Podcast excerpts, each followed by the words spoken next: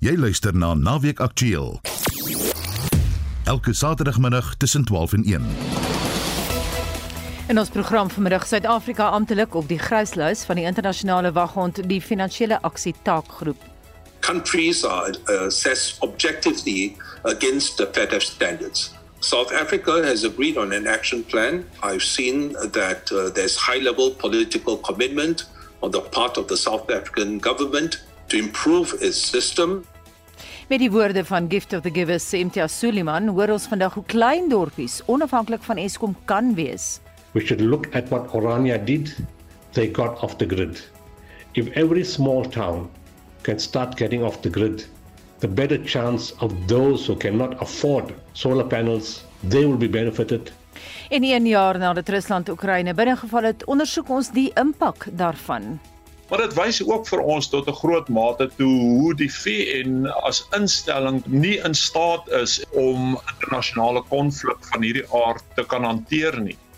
Die span vanmiddag Justin Kennerly, Daitron Godfrey en my naam is Anita Visser.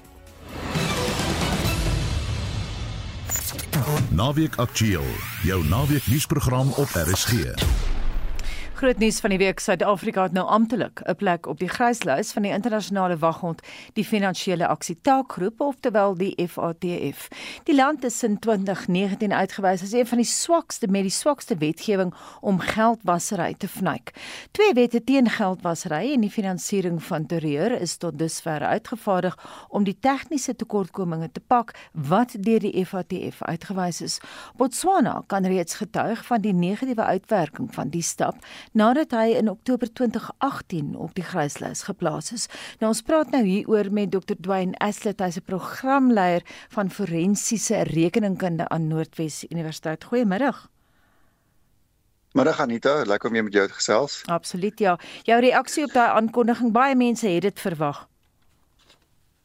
Ja, ek ek dink ehm um, nadat die verslag uitgekom het uh uh en die regering tyd gegee is om om op op die op die verslag te reageer, was daar 'n verwagting dat ons gryslys toe ehm um, sou gaan. Die vraag was toe net, jy weet, hoeveel hoeveel punte sou daar op die gryslys gewees het wat ons sal moet aanspreek ehm um, in die vir die vir die toekoms om weer van die gryslys afgehaal te word. Nou praat jy van van die gryslys afgehaal te word. Mauritius het weer teruggeklou of het ek dit verkeerd verstaan? Wanneer is Mauritius opgeplaas? Ja, Mauritius was 2 so net onder 2 jaar op die gryslys. Ehm um, hulle het hulle het uh, onder 2 jaar uh, reggekry van die gryslys afgehaal te word en uh, soos ek verstaan, jy weet dit was maar klippekou agter die skerms, uh, harde werk om om dit reg te kry, maar natuurlik Mauritius is uh, uh, uh, jy weet uh, is baie ehm um, uh, wil buitelandse belegging hê. So dis vir hulle belangrik om van die gryslys af te wees om daai beleggings te kry in die land in. So, so hulle dalk raad vir ons, Dwayne.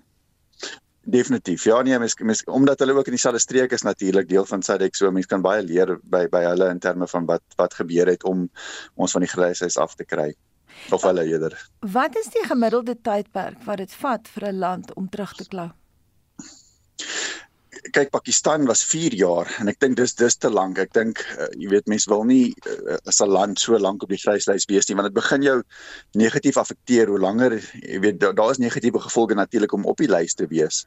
Maar jy weet dit eskaleer hoe langer 'n mens op daardie lys bly. So so die gryslys gaan oor lande wat met die die FATF saamwerk die weer samewerking met die FATF om van die lys af te af te kom. So so hoe meer mense met FATF saamwerk en die punte aanspreek wat hulle wat in in die in die aksieplan wat oor ooreengekom word met FATF, hoe vinniger mense daardie punte aanspreek, hoe jy weet hoe vinniger kry mense jou dan van die lys af. As maar 4 jy... jaar is dink ek, jy weet vir vir vir vir 'n land om op die lys te wees. Ja, maar 4 jaar is wat?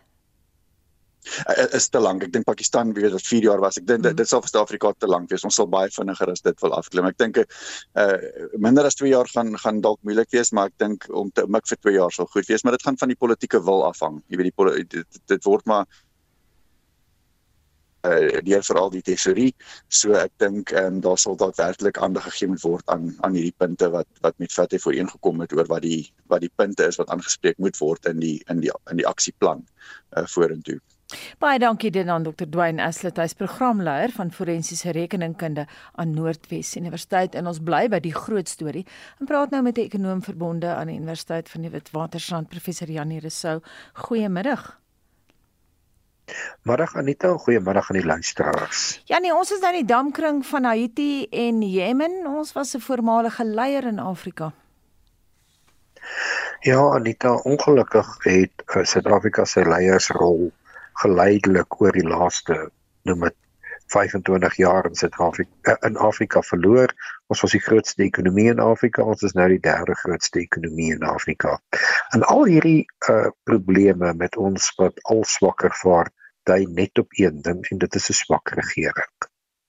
Wat dink jy is die grootste fout wat hulle gemaak het om op hierdie gryslys te kom? Ons weet ons het tyd gehad om dinge te verander. Ons weet al sedert 2019 daar hang 'n swaard bo ons koppe. Ja, die grootste fout wat die regering gemaak het was om niks te doen nie.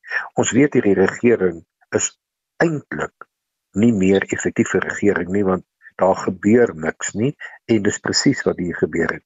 In 15 jaar kon die regering nie vir Eskom regmaak nie.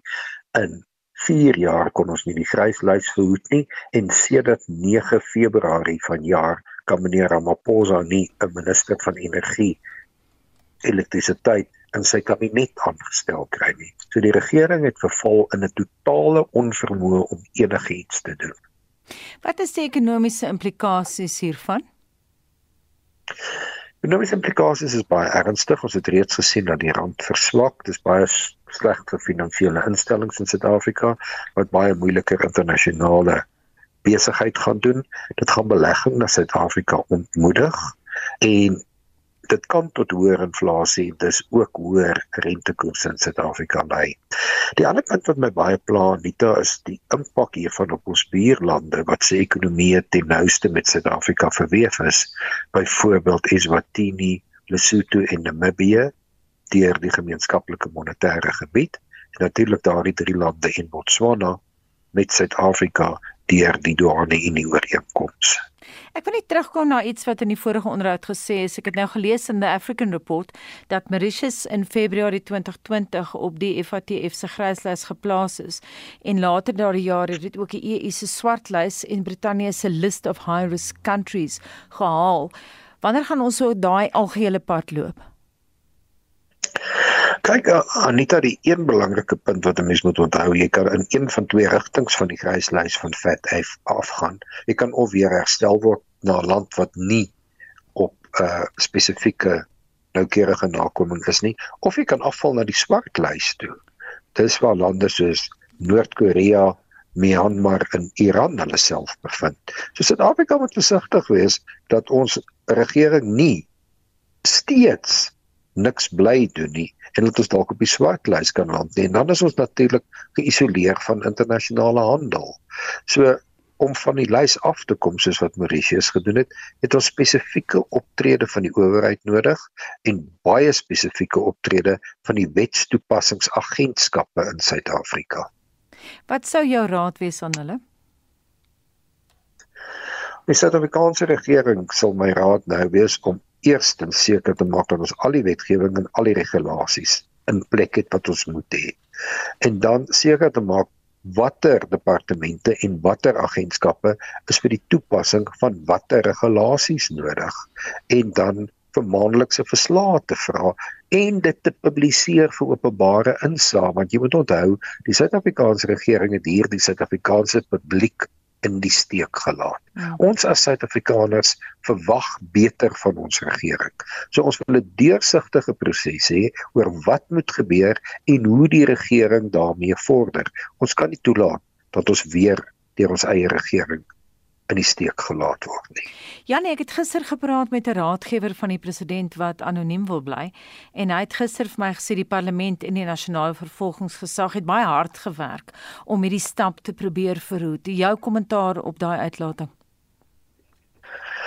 Hulle het hard gewerk, maar hulle het duidelik nie genoeg gedoen nie. In 4 jaar kon hulle dit nie verhoed nie. En natuurlik is nie net die parlement en die nasionale vervolgingsgesag wat moet stappe neem nie. Dis ook die regering wat moet stappe neem. So het hy enigstens gesê hoe hard die regering gewerk het of wat die regering gedoen het. So ek aanvaar daar is iets gedoen, maar daar is nie genoeg gedoen nie. En ek sê weer, ons as Suid-Afrikaners verwag meer van ons regering. Ons wil nie deur ons regering in die steek gelaat word nie. Wat gaan volgende gebeur Jannie? Ons kredietgraderings? Ja, hierdie gaan reflekteer op ons kredietgraderings.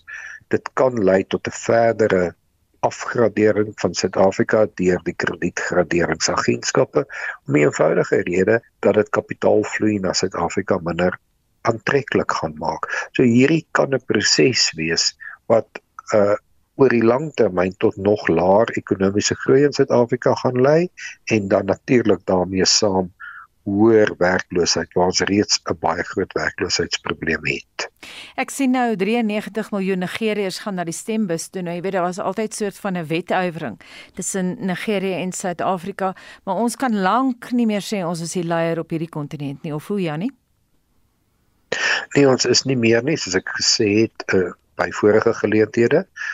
Ons was die grootste ekonomie in Afrika. Ons is nou die derde grootste na Nigerië en na Egipte daar's baie ander lande wat baie vinniger groei as Suid-Afrika en Suid-Afrika loop die gevaar om sy rol as toegangsroete vir belegging in Suider Afrika te verloor.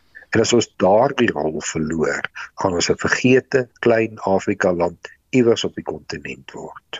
Ek was nou gister in kontak met Franse en Nederlandse vriende van my en die beeld van ons in die buiteland is baie swak en hulle het ook verwys na die feit dat Suid-Afrika op 'n stadium 'n soort van die liefling land op hierdie kontinent was ten minste vir die Europeërs.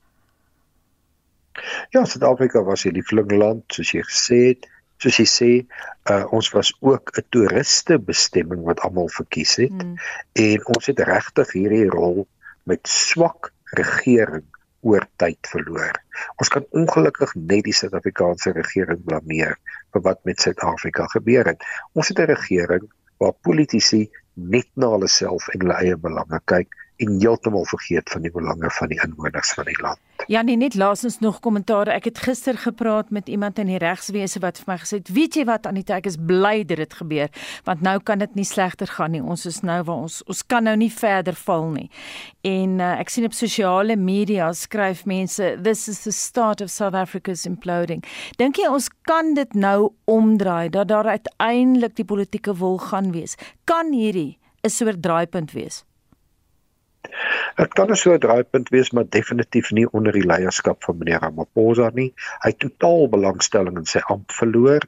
Hy stel nie eintlik meer belang om Suid-Afrika se president te wees nie. So ons kan omdraai, maar nie onder meneer Ramaphosa se leierskap nie. Hierdie is nie noodwendig die laagste punt nie, soos ek gesê het, ons kan nog val na die swartlys toe en ons kredietgradering kan nog verder afgegradeer word van waar ons is. So ja, dis laag, maar dit is nie hoe laag ons kan gaan nie. So ongelukkig is meneer Ramaphosa nie die regte man om ons uit hierdie probleem te lei nie. Baie dankie en so sê besoekende professor by Wits Universiteit se Besigheidsskool in Johannesburg, professor Janie Rousseau.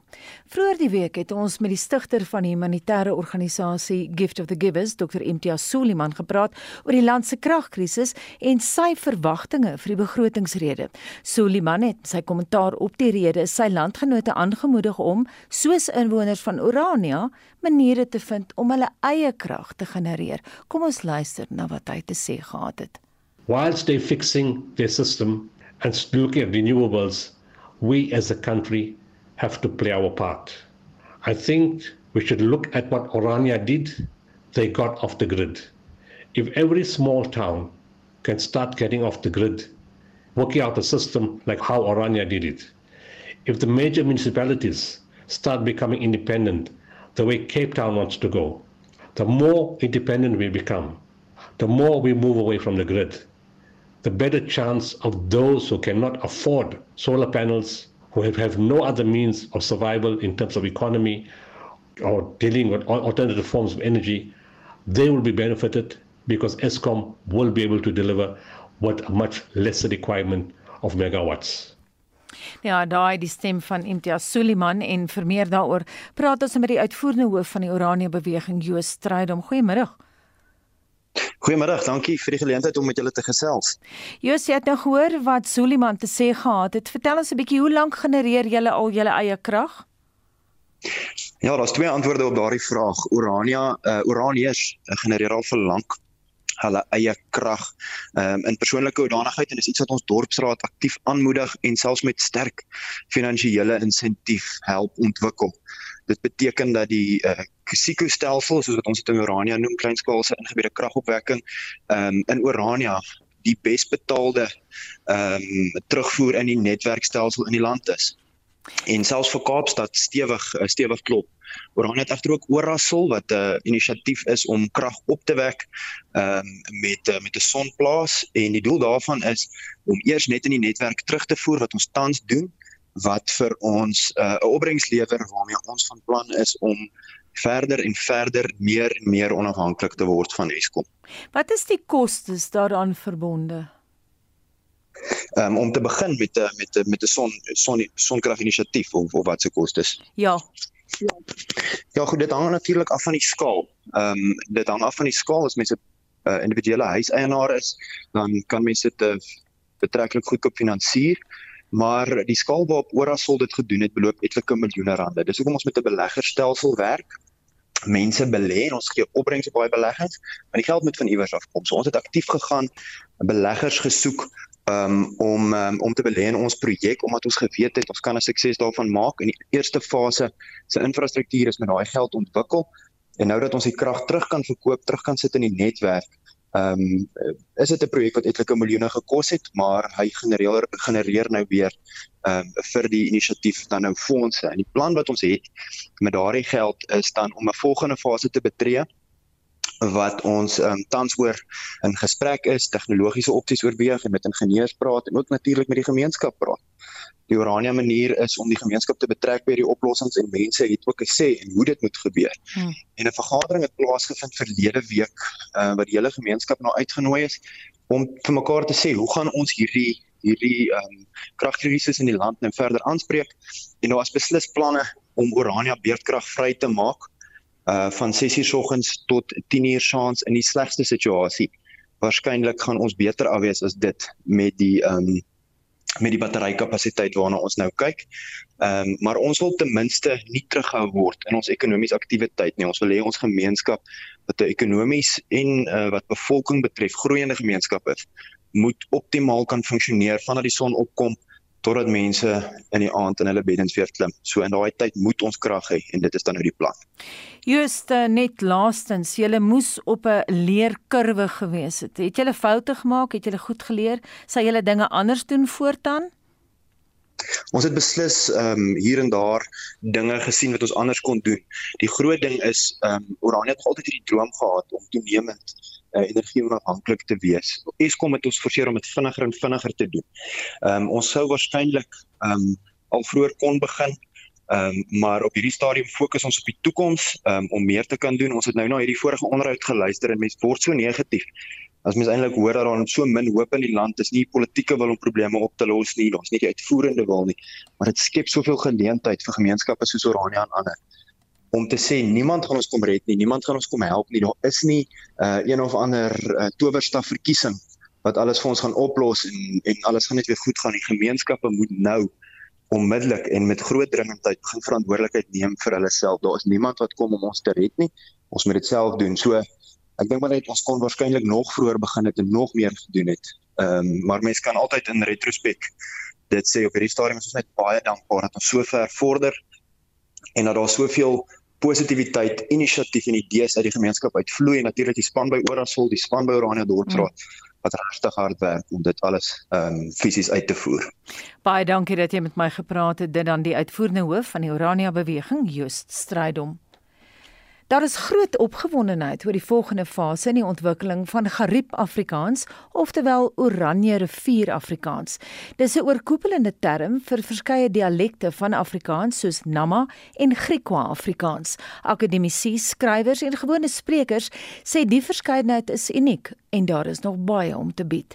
Met die viering van internasionale moedertaaldag die afgelope week, het die fokus weer eens op ons taal geval. Ulrich Hendriks doen verslag. Die hoofkarakter het 'n R20 gesoek. Hy het 'n chok gevra julle. Gebore in die Noord-Kaap, maar gebesig in meeste provinsies in die land. Griep Afrikaans het 'n lewe verby standaard Afrikaans. Taalkundige Dr. Maga Stander is verbonde aan die Solplaatjie Universiteit. Grieko-Afrikaans het die invloed van Khoi, Namakwa-Afrikaans die invloed van Nama. Daar's nog baie woorde as jy die taal gaan ontleed op taalkundige vlak, sal jy nou baie fonetiese en morfologiese forme kry, wisselforme wat beïnvloed is deur Khoi of Nama. Kaap het ons ongeteerde straat stap, ons ongepleisterde mure my hande op lê en ek dankbaarheid soos die voete van Jesus so. Gariep Afrikaans het die afgelope jare tot groot lof sy merk in die literêre wêreld gemaak. Die Julius Sisters, Lentia en Siska, skryf albei in Gariep Afrikaans. Vandat ek graad 1 is tot in graad 12, was daar nie eendag 'n Gariep Afrikaans of Oranje rivier Afrikaans in ons skoolkurrikulum gewees vir my om te kan lees soos die mense wat om my praat om sulke werk te lees. Ek moes Kaaps leer lees. Ek moes ander variante lees, maar daar was nooit plek gemaak vir Gariep Afrikaansie en dit kan nie langer so bly nie. Ek dink ons moet kyk nie net kyk na min literatuur wat daaruit kom nie, maar dat daar wel, want dit gaan die verandering aanspoor. En die rede hoekom ek in Grieko-Afrikaans of Gariep Afrikaans skryf is want dit is lekker om te vloek, as ek moet eerlik wees. Daar is so kleurvolle en vindingryke woorde wat jy nie in standaard Afrikaans gaan kry nie. Die volgende fase is om Gariep Afrikaans ook akademies te ontwikkel. Hulle wil uiteindelik 'n woordeboek hê en net soos Kaaps Afrikaans, Gariep Afrikaans ontwikkel tot 'n volwaardige dialek. Weer Dr. Stander. So daar is nog baie ruimte en ontwikkeling wat voor lê. En dit maak my eintlik opgewonde om te dink dat die veld lê oop vir studie en vir navorsing en veral vir kreatiewe skryfwerk in die variëteite. Siska Julius sê meer ondersteuning is nodig. Ek dink as die regering hand bysit sal daar 'n sporadiese verandering wees in die Afrikaanse taal. En uh ek wil ook graag net hê dat die haat en die stigma teenoor Afrikaans bietjie weg aan een kant gesit word. Maar vereers wil hulle bewustheid skep en mense se trots op hulle moedertaal aanwakker. Akademici sê hoe meer mense Gariep Afrikaans met trots praat, hoe minder sal ander voel dit is substandaard aan standaard Afrikaans. Ulrich Hendriks SAICanis Kimberley, Noord-Kaap. En ons bly by die storie en praat nou met professor Wannie Karsten, taalkundige professor, voorheen verbonde aan Pansat. Ons praat met hom oor sy indrukke oor die ontwikkeling van Afrikaans en sy dialekte. Goeiemôre. Hallo Anita. Baie welkom by Naweek Aktueel professor. Sê vir my, wat is die verskil tussen 'n dialek en 'n variëteit van 'n taal? Dis maar dieselfde. Dit is maar net uh, verskillende terme wat in die literatuur gebruik is. Dialek is eintlik 'n term wat sterk in Nederland gebruik word. Ons het in Suid-Afrika maar aan die vorm dialek of 'n variëteit gewoond geword. Hiermee word eintlik maar net gewoon bedoel dit is 'n alternatiewe vorm van Afrikaans of van 'n taal. En nou mens moet eintlik en eintlik dit eintlik op 'n ander manier op bekyk en dit is naamlik dat 'n taal uit variëteite bestaan en daardie variëteite is gekoppel aan die verskeidenheid aan die taal. En daardie variëteite is die uitdrukkingsforme wat mense in 'n sekere streek en 'n sekere sosiale groep het om hulle te doen. En ek weet ek het nou net gehoor wat dokter Stander ook sê oor moontlike minderwaardigheid ensovoorts. Hmm. Daar is nie 'n minderwaardigheid in variëteite nie. Alle variëteite is gelyk maar vir sommige variëteite is net meer beperk en 'n mens moet word net minder gebruik en dit moet mense gedagte hou. Sê vir my professor dit nou gesê en verstaan dat uh, geen dialek minderwaardig is nie. Is daar nie 'n behoefte aan 'n standaard vorm van 'n taal nie. Ons het in die verlede en dis nou polities onkorrek altyd gepraat van uh, eh, AB Afrikaans algemeen beskaaf. Nou daai term word glad nie meer gebruik nie. Maar wat van 'n soort van 'n standaard vorm? Geld dit glad nie meer nie? Nee, Anita, 'n standaard vorm is daar en hy sal altyd daar wees. Onthou nou net die verskil tussen standaard en nie nie standaard variëteite berus maar op die gebruikspotensiaal van die besondere variëteit ek en jy praat nou in standaard Afrikaans met mekaar. Hmm. En hoekom doen ons dit? Omdat ons vir 'n groter gehoor praat omdat ons beter kan verstaan. Dit bepaal dit raak die grammatika wat ons nou gebruik, dit raak die woordeskat wat ons gebruik, dit raak die uitspraak ensovoorts. En dit was ook die tempo waarteen ons praat. So dit gaan om wyeer gebruiklikheid. So elke taal het 'n standaard variëteit. Maar en dit is die, die probleem wat baie mense in die verlede gemaak het. En dit is waar daai ongeloof hy ongelukkige term AB Afrikaans uh, ingekom het van algemeen beskaaf Afrikaans wat vir jou 'n idee gegee het dat mense wat wat nie die algemeen beskaaf Afrikaans praat nie onbeskaafd. Mm. Soos ek sê dit is 'n so ou term. Daarvoor gebruik ons deesdae die term nie standaard variëteite. Maar nou moet mense baie versigtig wees. Nie standaard variëteite is nie minderwaardige variëteite mm -hmm. nie. En dit is 'n baie belangrike punt wat ek wil maak. En en en dit is hoekom ek sê al hierdie variëteite is gelyk in status want hulle word gebruik deur lede van die gemeenskap om hulle daagliks mee uit te druk op mm. 'n groot verskeidenheid vlakke. Op sosiale vlak of daar waar jy woon. En daai opsig is dit gelyk. Mm. Maar onthou nou net sekere variëteite het 'n kleiner gebruikspotensiaal hmm. en dit is die verskil. Uh voorbeeld geriep Afrikaans. Geriep Afrikaans is 'n wonderlike variëteit van Afrikaans en jy in die, in die, in die, in die insetsel was heeltemal reg. Daar moet nog baie meer studie kom. Hmm sodat ons meer weet daarvan want binne geriep Afrikaans is daar subvariëteite ons weet nog nie genoeg daarvan nie Professor ek het heelwat vrae nog eerstens hoeveel variëteite van Afrikaans is daar in Suid-Afrika weet jy As ek daai 'n uh, antwoord gehad het, dan sou ek baie geld gemaak het, Anita. Mense en... spekuleer tussen 25, 25, 30, 50. Dit hang af van waarvoor jy die variëteit gebruik. Onthou, daar is variëteite wat bepaal word op grond van geografie waar jy vandaan kom. Daar is variëteite wat bepaal word op grond van jou sosiale groepering wat jy behoort. En dan is daar variëteite wat bepaal word op grond van ouderdom, styl, aktiwiteite ensovoorts ensovoorts. Dit is dus eintlik onmoontlik om te sê hoeveel variëteite daar is. Nou 'n belangrike vraag, is daar variëteite van Afrikaans of dialekte van Afrikaans wat ons byvoorbeeld nie sal verstaan nie? Ek weet daar is mense wat sê die variëteit van Kaaps soos hy vandag gebruik word kan baie mense nie verstaan nie. En dit dit is moontlik. As 'n mens nou kyk aan ons Sondagkoerant, is daar 'n rubriek daaroor en mense skryf op ander plekke ook oor hierdie variëteit. En daar's ander mense wat ek al gehoor het wat sê ek verstaan regtig nie wat dit is nie. Maar as 'n mens dit rustig gaan lees en jy dink na die grammatika en jy kyk na die woorde wat gebruik word, dan is dit wel deel van Afrikaans in die algemeen. Maar dit word soort van geetiketeer deur 'n vreemde uitspraak, 'n vreemde skryfwyse.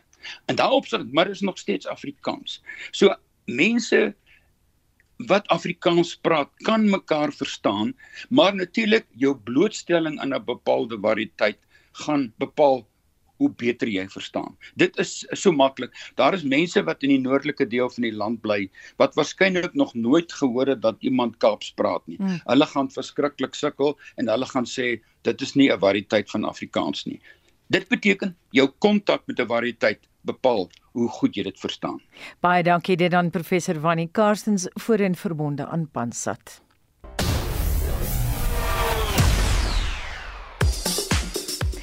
Twee groot internasionale wedrenne vind die naweek in twee provinsies plaas, die Kyalami 9uur wedren in Midrand Gauteng en die Formule E straatwedren in die moederstad. Fritz Klaas te praat nou met ons vanaf Kyalami. Goeiemôre.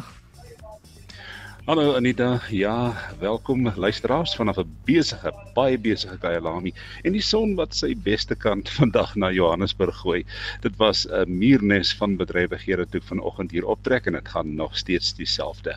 Die wedren begin oor minder as 'n halfuur genoem die Kyalami Interkontinentale 9 uur uitdag 'n GT uh, en dis nou GT3 en GT4 wedren kampioenskap wat vyf kontinente besoek hierdie naweek.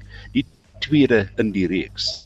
Op die oomblik is die motors opgetrek op die wegspringrooster Anita. Die Mzansi jeugkoor gaan die nasionale volkslied sing. Die nasionale vlag spog daar aan die een kant in die briesie. Die uh, roostermeisie staan al te vraai by elke motor. Uh, en en vir my is dit die laaste rustigheid vir 9 ure van GT engines wat om Kyalami gaan brul tot vanaand met die wedren wat om 10 uur gaan eindig. Ek wil net vir 'n oombliekie wegbreek van die prosedures en kyk na die plaaslike uitslae. Uh, dit word genoem die ondersteuningswedrenne wat die naweek plaasgevind het, maar ek wil onderstreep dat die plaaslike wedrenne wel die internasionale wedren ondersteun, maar ook dat die internasionale toernooi die plaaslike wedrenne ondersteun want dit bied 'n pragtige platform vir ons renjaars om hulle beste te wys op 'n baan waar hulle nie elke dag gaan ry nie. Die kategorie uh, op kategorieë wat ek van praat hier is die F1600 en uh, Kent FF Dis klein plat klassieke oopwielmotors met 'n geweldige pragtige klank. Die GTC en Super Cup, hulle vind plaas eh, die baie gewilde Polo beker en dan ook die baie gewilde BMW M-reeks. Die Mobile 1 V8 reeks. Nou uh, as ek net gou kyk na die uitslae sal vlugtig daardeur loop Anita. Uh eerstens uh, die uitslae in die uh, Mobile 1 V8 series of 'n uh, reeks. Dit is karre wat klink soos die uh, NASCAR van Amerika. Dis V8 engines. Hulle brul sommer. Uh die wenner daar in uh, wedren nommer 2 is Julian Familiaris van uh, Chevrolet Corvette. In die tweede plek is uh, Deltec batteries uh, Franco Di Matteo van Jaguar X uh, KR. In die derde plek is uh, Thomas Reep. Hy ry vir uh, Chevy Lumina. Ja, uh, Lumina is wat ook nog deelneem in motorwedrenne. As ons kyk na die Invest uh, Chem F1600 en FF Kent, daai klein interessante motortjies waarvan ons gepraat het, is die wenner daar Troy Dolenschek. Hy uh het uh, dit gewen in motor nommer 17 uh, Mint uh, Rapworks se uh, Jason Coetzee in die tweede plek en uh, Gerard Geldenhuys in die derde posisie. Dis almal die bekleers van die podiums. As ons kyk na die BMW, baie gewilde reeks 75 karre wat deelgeneem het in hierdie uh, kategorie. Paulo Lorero wen hierdie klas um, in motor nommer 11. Leon Loubser in die tweede plek. Hulle ry beide almal wat hier deelnemer in BMW is en veral die F en die E reekse en in die derde plek is Carlo Garbini. Kyk ons na die GTC, daar is 'n probleempie, maar uh, dit sal uitgesorteer word. Ek gee die uitslae van gister want uh, die uitslae van vandag het nie plaasgevind nie. Daar's 'n groot uh, probleem met die wedren, uh, daar's klagtes en so aan.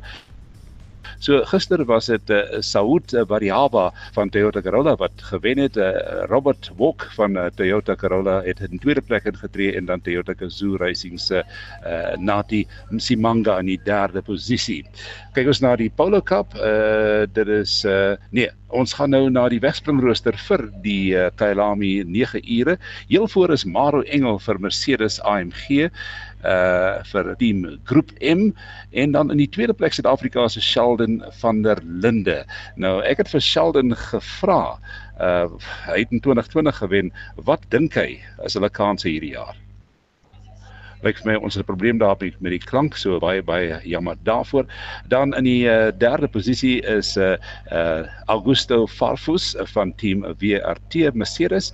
Uh Mattia Drudi uh, van Tresor is in die derde plek. Vierde is Marcus Winkelhoek van uh, Tresor in die vyfde plek Kenny Habul van uh ehm um, Sun Energy in die 6ste uh, 7de posisie is 'n uh, Brent Grove uh, gevolg deur uh, Rees Bar Charles Arangis plaaslike uh, en dan Kwanda Mokwena uh, volgende. Nou Kwanda Mokwena net uh, daar sê uh, Justin of uh, Anita hy is 18 jaar oud het net hierdie jaar sy uh, uh, hoe sê mens uh, uh, wettige motorbestuurders lisensie gekry. So maar hy mag op bane ry. So hy neem deel vir hierdie span MJR Motorsport. Hy is in die 10de posisie dan is dit uh, Michael Petamber in die 11de plek en dan is dit 'n uh, Sudrang Saran van um, dit is nou Moodley van Bigfoot in die 11de en heel agter is dit Joseph Ellerine. So staan sake wat die wegspring rooster betref.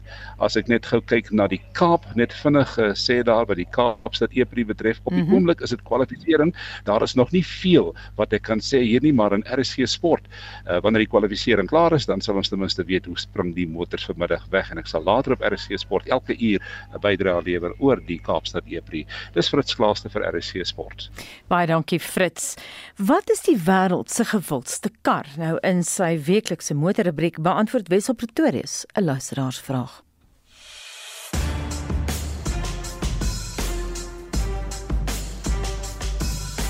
Nog 'n brandstofverhoging is volgende week Woensdag ons voorland.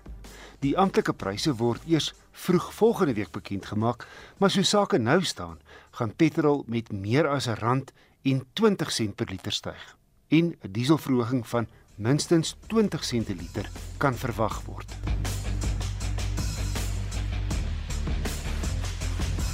Ek het 'n e-pos van Jerome Williams ontvang. Hy vra watter motor die beste in die wêreld verkoop. Jerome, as mens na verlede jaar se syfers kyk, was die Toyota Corolla die topverkoper met 1,12 miljoen eenhede. Wat interessant is, is dat die Corolla tradisioneel as 'n sedan en 'n luikerig verkoop word, wat natuurlik al hoe meer plek maak vir kruisvoertuie. Maar ek seker verkope van die Corolla Cross het gehelp. Tweede is nog 'n Toyota, die RAV4, wat in die FSA die beste sportnutsverkoper is. Die Ford F-reeks bakkie was derde. En dis nou al jare lank die FSA se algehele topverkoper. Die Tesla Model Y was vierde, 'n volelektriese voertuig wat 'n vreemdeling vir ons plaaslik is. Terloops in China, die wêreld se grootste mark, was 22% van alle nuwe voertuie wat verlede jaar verkoop is, vol elektries. China se verkope verlede jaar net meer as 22 miljoen was dubbel soveel as die nommer 2, die FSA. En China verkoop nou 'n derde van alle nuwe voertuie wêreldwyd. Indië het verlede jaar die derde meeste voertuie verkoop. Maar terug na die wêreldwye top 10 lys. Die Toyota Camry, 'n sedan wat mens lank nou nie meer hier by ons kry nie, was 5de. Gevolg deur 'n bekende hier by ons, die Honda CR-V. Nog 'n groot bakkie, die Chevrolet Silverado, was 7de. Die Hyundai Tucson 8ste en Suid-Afrika se topverkoper, die Toyota Hilux 9de. 'n Ander onbekende hier by ons, die Ram, was danksy Noord-Amerika se voorliefde vir groot bakkies 10de. Stuur gerus motornavraag na my of indien jy soos ander luisteraars Naamsa se verkoopsyfers maandeliks wil ontvang, laat weet my net per e-pos. My adres is wissel@rsg.co.za.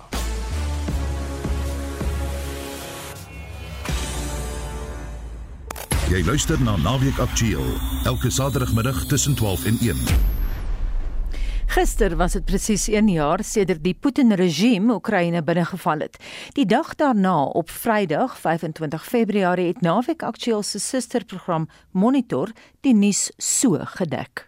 Soos wat ek vroeër gesê het, verwys ons nou al heel oggend in monitor na die situasie in Oekraïne waar 'n spesiale militêre operasie aangekondig is deur president Putin en ST het ons al die nuutste daar. Anita Putin het soos wat jy nou net gesê het vroeg vanoggend 'n spesiale militêre operasie in die Donbas streek van Oekraïne op televisie aangekondig en hy het gewaarsku dat Oekraïne vir enige bloedvergieting verantwoordelik sal wees, geëis dat alle soldate hulle wapens moet neerlê en dat daar gevolge sal wees vir enige buitelandse militêre magte wat Oekraïne bystaan.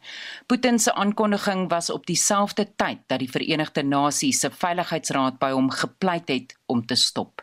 Oomblikke daarna is verskeie aanslae in en rondom Kiev gehoor, soos die BBC se James Waterhouse in Kiev hier verduidelik. Colleagues have heard five or six faint explosions at this stage in a full 180 degree angle far in the distance. Uh, we've had a message from a government official saying the invasion has become, he says there's been a number of cruise and missile strikes here in Kiev. He also talked about troops crossing into Odessa to the south, as well as crossing the border to the east in Kharkiv. Our colleagues in Kramatorsk to the east as well have heard a large explosion, as well as a troop presence in Belgorod province down in southwest Russia. Die VN se Veiligheidsraad het gister met 'n noodvergadering in New York begin. Tydens die vergadering het die sekretaris-generaal Antonio Guterres by Putin om vrede gepleit om te stop, maar Putin het sy spesiale militêre operasie ten tye van die vergadering aangekondig.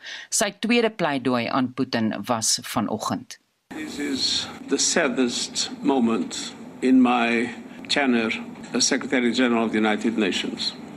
President Putin, in the name of humanity, bring your troops back to Russia. In the name of humanity, do not allow to start in Europe what could be the worst war since the beginning of the century. Ons het Antonio Guterres se pleidooi dadelik opgevolg in 'n onderhoud met professor Abel Esterhuise van die Universiteit Stellenbosch se Kragskool. Antonio Guterres het hierdie week gesê it's the saddest moment in my tenure as Secretary General, maar hy het uh, ruiterlik erken gister dat die VN het gefouteer om nie 8 jaar gelede al sterk op te tree teen Putin met die inval in die Krimskiereiland nie. Stem jy saam met hom? Absoluut. Ek dink die interna internasionale gemeenskap het eintlik die deur oopgelos in 2014 toe hulle nie opgetree het toe Putin die Krimskiereiland geannekteer het nie. En dit het eintlik die deur oopgelaat om te doen wat hy nou doen, maar dit wys ook vir ons tot 'n groot mate toe hoe die VN as instelling nie in staat is om internasionale konflik van hierdie aard te kan hanteer nie en dat dit eintlik maar op streeksorganisasies gaan uitspeel uiteindelik. Naweek Aktueel het die klankgreep van dese week aan Esterhuise gespeel en sy reaksie op sy aanvanklike reaksie van 'n jaar gelede gevra. Die afgelope jare het gewys dat die VN redelik ontmagtig is aan die een kant en aan die ander kant dat die VN se struktuur en die tekortkominge wat daar in die samestelling van die VN is en dan veral die Veiligheidsraad baie baie duidelik uitgewys is deur die wyse waarop die VN gereageer het en hulle die oorlog hanteer het. Daarteenoor is die streekinstellings NAVO en die Europese Unie baie baie sterk na vore gekom en het eintlik 'n kritiese rol gespeel in hierdie oorlog. Jy het vroeër gesê dat die Russe en die wêreld het hulle misreken oor die lengte van die oorlog en ook oor die Oekraïners se terugveg aksie. Wat het die Russe reg gedoen? Daar's twee goed wat die Russe reg gekry het. Die een was om die Oekraïense strategiese swakpunt uit te byt met die oorwoë vuurpyl en hommeltuigveld of om kritiese en strategiese infrastruktuur in die Oekraïne te vernietig. Hulle is nog steeds besig daarmee. Die tweede ding wat ek dink die Russe baie goed mee is, is om die wêreld aan die raai te hou oor hulle mobilisasiepotensiaal. Ons almal wonder nog hoeveel mannekrag is daar in Rusland om te mobiliseer? Hoeveel uitrusting is daar nog beskikbaar? Maar nou eers terug na die monitor uitsending van 25 Februarie 1 jaar gelede. Jy luister na Monitor elke weekoggend tussen 6 en 8. 7:13 in die volgende uur Amerika stel nog ekonomiese sanksies teen Rusland in. Our forces are not and will not be engaged in the conflict with Russia in Ukraine. Our forces are not going to Europe to fight in Ukraine, but to defend our NATO allies and reassure those allies in the east. In aandelebeurse wêreldwyd daal skerp. Goeiemôre, ek is Anita Visser.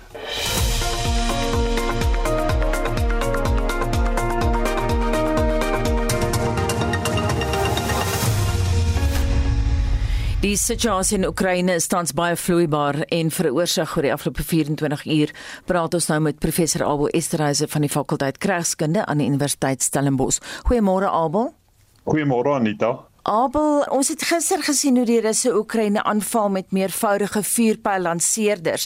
Wat het militêr die afgelope 24 uur ontvou? Hulle het begin met 'n um, 'n driepunt aanval gisteroggend baie vroeg vanuit die noorde deur Chernobyl in die rigting van Kiev, dan uit die noordweste in die rigting van Kharkiv en ook uit die Donbas streek in die suide waar hulle reeds die twee state geokkupeer het gelyktydig daarmee het hulle met lugkrag en lugstorm operasies begin om sleutelinfrastruktuur in besit te neem. Ek praat van brûe, lughawens en dis meer.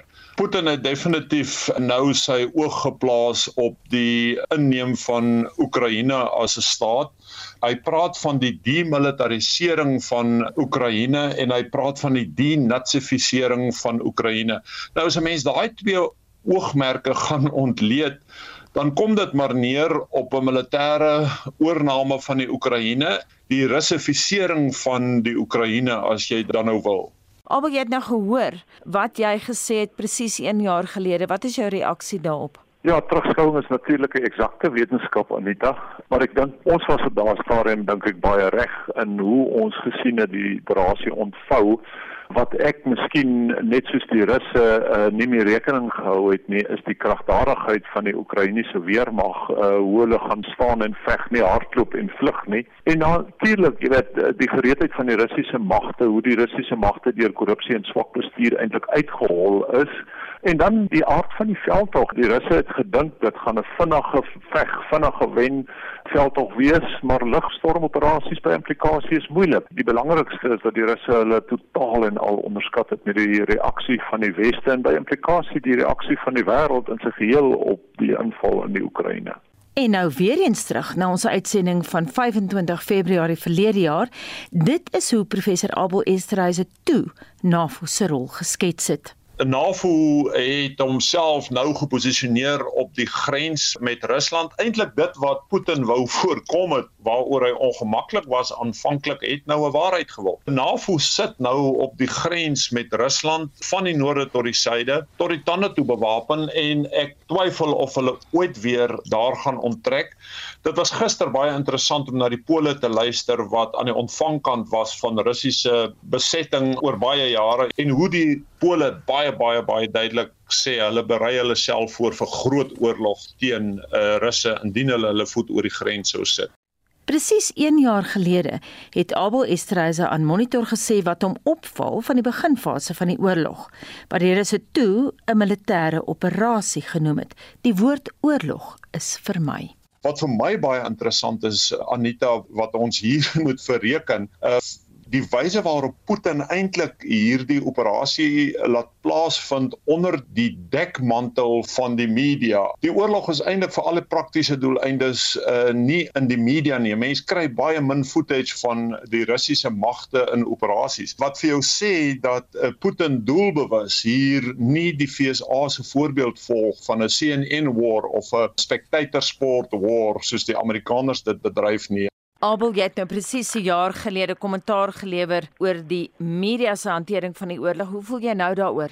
Ek dink daar's twee baie belangrike goed wat ons moet uitwys hier. Eh, die een is dat die Oekraïne uitstekend was in hulle kommunikasieveld tog en om steun vir die Oekraïne internasionaal te mobiliseer. En hier moet 'n mens die president veral prys.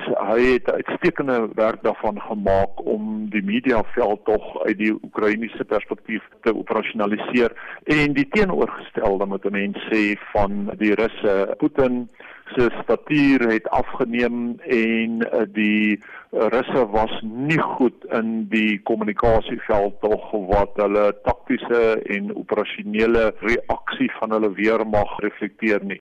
Maar Monitor Spectrum, Naweek Aktueel en Kommentaar het die afgelope jaar op alle aspekte van die Oekraïne-oorlog gefokus.